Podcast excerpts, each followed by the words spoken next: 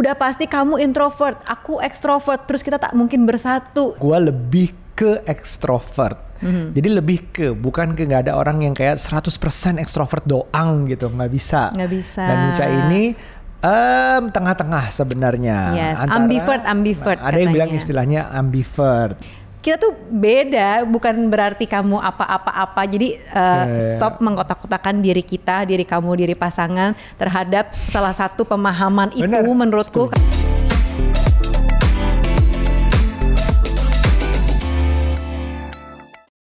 Halo parents, kembali lagi di podcast Curhat Babu, curhatnya Bapak dan Ibu. Udah mau itu jawab bagianku. ya? Oke. Ya, anyway, hari ini kita akan ngobrolin tentang yang namanya introvert dan extrovert. Siapa? Aduh, Siapa itu? asli ya pembahasan soal ini tuh udah seolah-olah bahwa eh, apa ya, udah pasti kamu introvert, aku ekstrovert, terus kita tak mungkin bersatu gitu. Iya, Kayak tapi gitu. tapi kadang-kadang tuh kita apa sih introvert? Apa sih extrovert? Kalau yang aku pahamin, aku juga kurang paham sih ya sebenarnya. Gimana kalau aku pahami, aku juga ya- kurang paham. Yang aku pahami itu cuman masalah karakter, Ah. tentang energi, bahwa si introvert itu lebih senang menyendiri di tempat-tempat sepi. Oh, jadi introvert, dan tidak terlalu bersosialisasi. Jadi dan- itu bukan antara pendiam atau berisik. Ya itu juga kan. Terus ekstrovert tuh katanya lebih energinya lebih banyak, lebih senang keluar, yang ngobrol ketemu orang, ber Ya. apalah apalah gitu. Jadi sebenarnya kalau menurut aku sendiri karakter dua hal ini tuh nggak nggak kayak sesuatu yang bener-bener ini sesuatu yang fix dari lahir sampai lo tua tuh Ya. bakal begitu terus. Menurutku bukan sesuatu yang kayak gitu sih. Jadi kalau teman-teman ngelihat dari yang udah follow Instagram kita atau Parent Talk yang Mhm. kita sering ngomong, udah sering nonton curhat babu lah. Mana yang introvert, mana yang extrovert. Kita kasih 10 detik untuk mikir, tulis di komen. Oke. Nah, kalau udah, uh, jadi gini, introvert dan extrovert menurutku yang aku baca adalah bagaimana seseorang menyerap energi. Energi itu kasarnya tuh merasa terbarukan, merasa senang banget Hmm. kalau misalnya menyerap energi itu dari dari mana? Nah, kalau ah, yang introvert katanya dari kesendirian, dari yang sepi, dari yang misalnya uh, duduk aja dengan buku atau di rumah aja melakukan sesuatu sendiri atau cuman berdua, mungkin sesepi mungkin. Yang satunya lagi ekstrovert tuh kalau datang ketemu banyak orang, entah itu party lah, suatu acara atau eh, sesimpel misalnya ke kantor atau ke sekolah itu ngerasa tuh kayak wah seru banget ya, gue seneng banget rasanya pulang dari ketemu orang itu energized gitu. Eh Nah, tapi itu. di da- di tengah-tengah dari am- eh, dari extrovert dan introvert ini sebenarnya ada ada sesuatu yang di tengah kan? Em, Karena ini ya. kayak seolah-olah dua kutub yang berbeda gitu loh. Pad- Iya. Menurutku nggak bisa sebaku itu juga. Bener. Nah, di antara gua dan Nuca ini kalau gua lebih ke ekstrovert. Mhm. Jadi lebih ke bukan ke nggak ada orang yang kayak 100% ekstrovert doang gitu, nggak bisa. Nggak bisa. Dan Nuca ini em, tengah-tengah sebenarnya. Yes, ambivert, ambivert Nah, ada yang bilang katanya. istilahnya ambivert. Jadi antara introvert dan ekstrovert di tengah-tengahnya ada Nuca. Betul, benar-benar di tengah-tengahnya ada aku gitu karena seben- dan dan kenapa tadi aku bilang bahwa introvert eks- ekstrovert ini bukan sesuatu yang kayak kutub utara, kutub selatan banget yang Iya, tak mungkin benar. bersatu gitu ya. nggak ada hitungan bakunya sih bahwa lo dari lahir sampai lo tua tuh lo bakal begitu terus. Enggak. Kalau Iya. kecil aku juga nggak tahu sih aku tipe apa gitu ya. Tapi kan baru menyadari Benar. ketika misalnya udah bersosialisasi punya teman gitu ya Hmm. itu baru baru ngerasain sih kalau misalnya ngelihat dulu flashback bab sebenarnya aku tuh mungkin ekstrovert banget kali ya karena aku suka ngegeng aku suka bergaul kayak temanku banyak terus zaman-zaman SMA gitu yang eh, nongkrongnya di mana di Sega Plaza Senayan gitu weh aku tuh kayak bisa kenal siapa-siapa gitu loh dari luar sekolah kayak gitu tapi Semoga teman-teman relate setiap Plaza Senayan.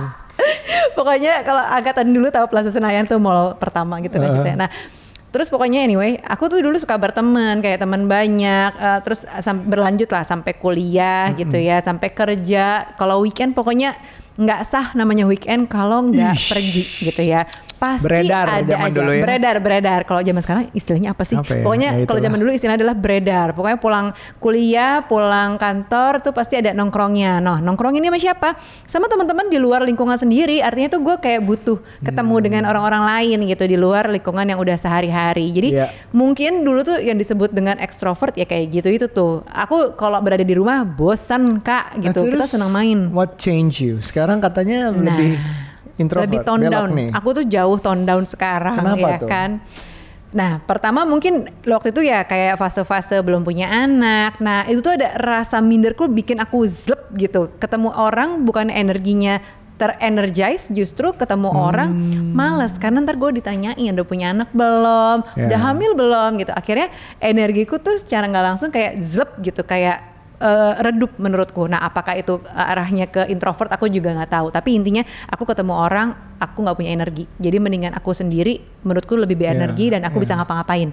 Gitu. Nah dari kebiasaan-kebiasaan itulah sampai akhirnya begitu punya anak jelas ya mau ketemu orang kok kayaknya banyak pantangan. Kayak banyak mitos-mitos 40 hari pertama nggak boleh keluar rumah. Jadi Oh. Ya, kayak ya. aku semakin di dalam bubble. Jadi hidupku di dalam bubble yang nyaman yang itu-itu aja di rumah nah begitu sekarang punya anak gitu nah baru ke arah udah gitu aku Iya. punya kerjaan gitu ya bikin aku lebih ke arah ambivert ini jadi kayak gue butuh ketemu orang buat ngobrol di luar bubble di rumah di luar obrolan gue sama anak-anak yang pasti kan seputar ah nyanya nyanya nyanya gitu tapi gue pengen ngobrol sama orang dewasa gitu itulah Ya. perjalananku menjadi seorang ambivert Iya, iya. Kalau aku mungkin ekstrovert terus ya kebanyakan lebih ke Stabil ya kamu ya. Makanya tapi ada kerugiannya juga justru di saat pandemi kemarin. oh Nah di saat kita lockdown saat itu nggak boleh ke mana-mana segala macam itu kayaknya aku merasa harus adaptasinya nih harus adaptasi karena ya antara sakit kalau keluar gitu kasarnya. Nah terus ya udah dulu ketaneman lah sempet lah olahraga jadi lebih banyak di rumah. Ya mau nggak mau untuk survive agak berat di saat ekstrovert tuh mengalami pandemi. Tapi sekarang udah insya Allah sudah lewat ya ya udah pengen keluar-keluar lagi gitu. Jadi memang dia stabil aja gitu. Nah, kalau kita lihat kalau punya karakter yang introvert, extrovert, ambivert, kalau dalam relationship tuh gimana sih gitu? Pengaruhnya apa nih? Iya, ada yang ada yang suka beberapa kali curhat ke kita gitu ke Instagramnya @curhat bapak ibu boleh di follow juga. Eh, bilang bahwa suamiku introvert banget, pendiam banget. Nah, agak beda tuh sebenarnya introvert, pendiam tuh belum tentu introvert. Eh, tapi bisa juga diartikan seperti itu misalnya karena disalahartikan seolah-olah yang pendiam itu udah pasti introvert justru dia menyerap energinya di situ. Betul. Terus ada juga yang curhat suaminya kebanyakan ibu-ibu ya. Curhat suaminya itu ekstrovert banget sama orang tuh suka pede banget, pengennya keluar ketemu orang, Ngobrol gitu ya. dapat energi begitu keluar terus begitu sampai rumah diem lagi sama istrinya. Nah, Hmm. apakah ini masalah perbedaan introvert ekstrovert itu menurut kamu? Enggak, itu masalah kenyamanan, beneran. Nah, menurutku iya ya. kan? Kenapa dia bisa all out di luar? Berarti menurut dia lebih nyaman untuk ketemu orang-orang di luar dari eh, apa yang ada di rumah. Di rumah mungkin aja ada yang membuat dia nggak nyaman. Itu bukan berarti kayak, aduh salah dong aku sebagai istri Hmm. Belum ada tentu. kekurangan. Belum tentu, Belum belum, tentu. tentu. Berarti menurut dia aja nih si suami mungkin ada yang merasa di rumah tuh ya ada yang bikin nggak nyaman, bikin Iya. gue nggak all out, bikin gue nggak pengen ngobrol gitu. Iya Siapa sih? tahu dia di rumah itu ada mertuanya, ada masalah sama mertua. Bener, akhirnya kan redup sama kayak gua tadi Iya. kayak males ngomong gitu kan. jadi kayak ah. misalnya ya, jadi kayak redup aja auranya. Siapa tahu dia di rumah orangnya berantakan, senang banget berantakin barang, tapi diberesin mulu sama istrinya. Cien deh. siapa tahu, siapa tahu.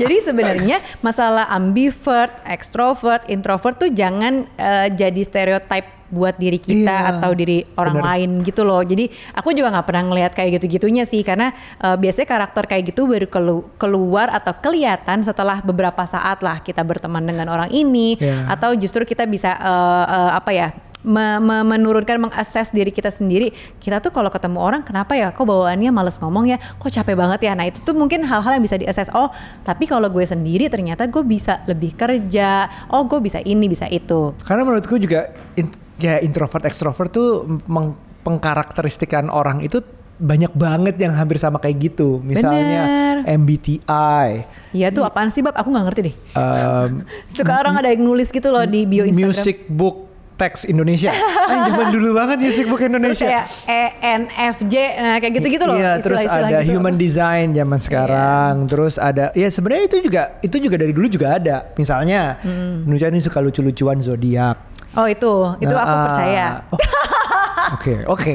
Terus ada ada weton. Benar, itu aku juga percaya. Ada shio, feng shui segala macam. Itu Iya. sebenarnya bu ya nggak ini ada yang percaya nggak percaya, ada yang bukan 100% salah juga. Mungkin orang butuh suatu struktur untuk memahami dirinya atau Benar. memahami orang lain. If it makes you easier to understand something, then why not gitu. Bener bener bener dan paham juga nih mungkin aja ada yang komen wah kalau menurut agama nggak boleh tuh percaya sama zodiak tuh sama feng shui bla bla bla Ya. nggak apa-apa itu disimpan aja ya Ya itu ya masing-masing kepercayaan ya, silakan juga prinsipnya orang bisa beda-beda karena um, ini juga kalau terlalu percaya juga bisa berakibat seperti oh jadi karakter gue begini dong karena gue lahir tanggal sekian karena bulan lagi ada di mana itu Iya. dan gue nggak bisa berubah. Jangan iya benar, jadi kayak mengamini apa yang sebenarnya tuh belum tentu kayak gitu gitu. Jadi eh, kayak tadi nih ngebahas soal introvert, extrovert, Iya. ambivert dan pasangan kita gimana dan kok begini kok begitu. Sebenarnya mungkin nggak gitu pengaruh gitu loh. Jadi karakter ini tuh jangan menjadi ses- mengkotak-kotakan diri kita dan pasangan dan teman dan lain-lain gitu. Karena eh, semuanya menurutku tuh bisa aja berubah. Benar. Perubahan introvert, extrovert dan juga ambivert itu bisa dipengaruhi beberapa faktor. Misalnya kondisi kita saat ini, kondisi lingkungan, kondisi eksternal atau uh, sesimpel kayak kondisi dari dalam diri ini ada yang nggak nyaman atau justru lagi pede banget gitu kan bisa aja jadi jadi lebih talkative, Ya. lebih chatty ketemu orang ketika dia lagi pede banget nih. Aduh gue Ya. lagi cakep banget hari ini. Rasanya gue pengen hangout cuy gitu. Misalnya pengen ke Union. Ya lah masih gak sih? kayak gitu-gitu Masih loh. dong, masih Jadi ada. kayak bawaannya pengen hangout, pengen ngobrol ketemu Iya. orang. Tapi coba deh kalau misalnya abis olahraga nih terus lepek banget ya kan. Boro-boro gue tuh pengen ketemu orang gitu males bawaannya pengen buru-buru pulang, pengen Mandi. mandi, dan udah capek. Akhirnya apa?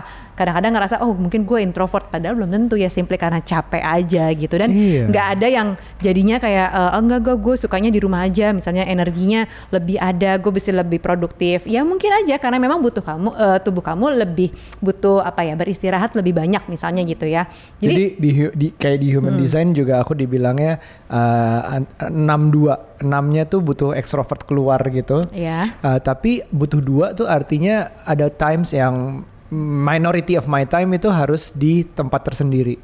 Jadi kayak untuk menyerap, oh tadi gue belajar apa aja ya, oh gue tadi ketemu siapa aja ya, gue ngerasa apa aja ya, diem dulu sendiri.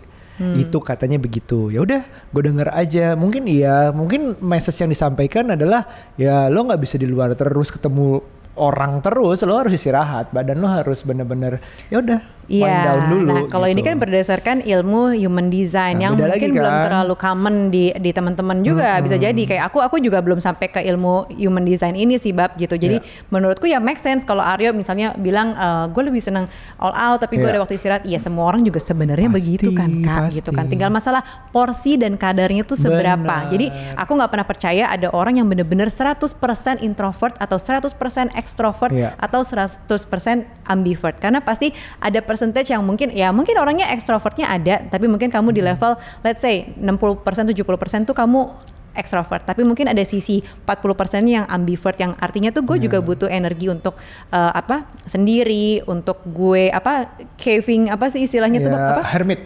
hermit yang kayak gitu-gitu. Jadi eh, beda-beda banget dan aku sendiri juga merasakan itu. Bahkan sampai ada yang bilang gini kan aku pernah posting gitu dulu di sosial media di Instagram story lah.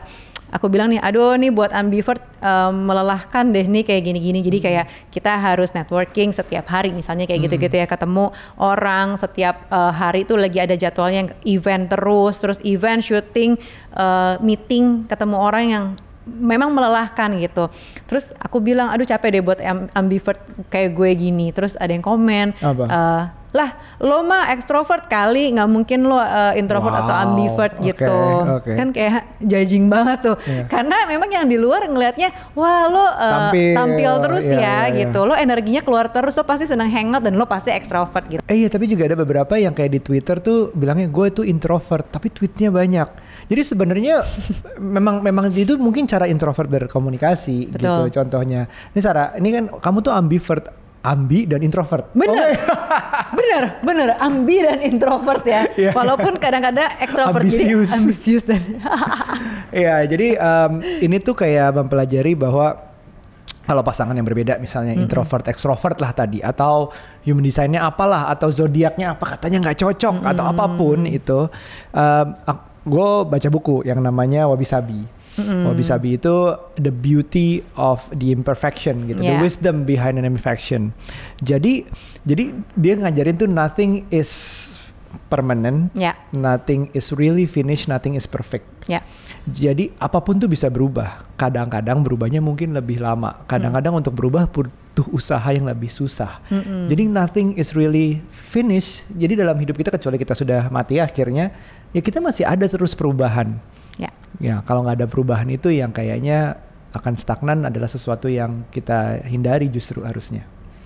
Setuju. Nah, ini bukan cuma Gitu. relationship doang sebenarnya dalam pertemanan, dalam kerjaan atau urusan kantor, pasti setiap orang tuh punya karakter, keinginan dan tipe-tipe kerja yang berbeda-beda gitu. Jadi eh, tadi terlepas dari apakah kamu introvert, extrovert atau ambivert, tapi setiap dari kita pasti punya kenyamanan yang berbeda-beda. Iya. Jadi misalnya dalam satu ruangan kantor ada beberapa orang nih dengan tipe yang berbeda.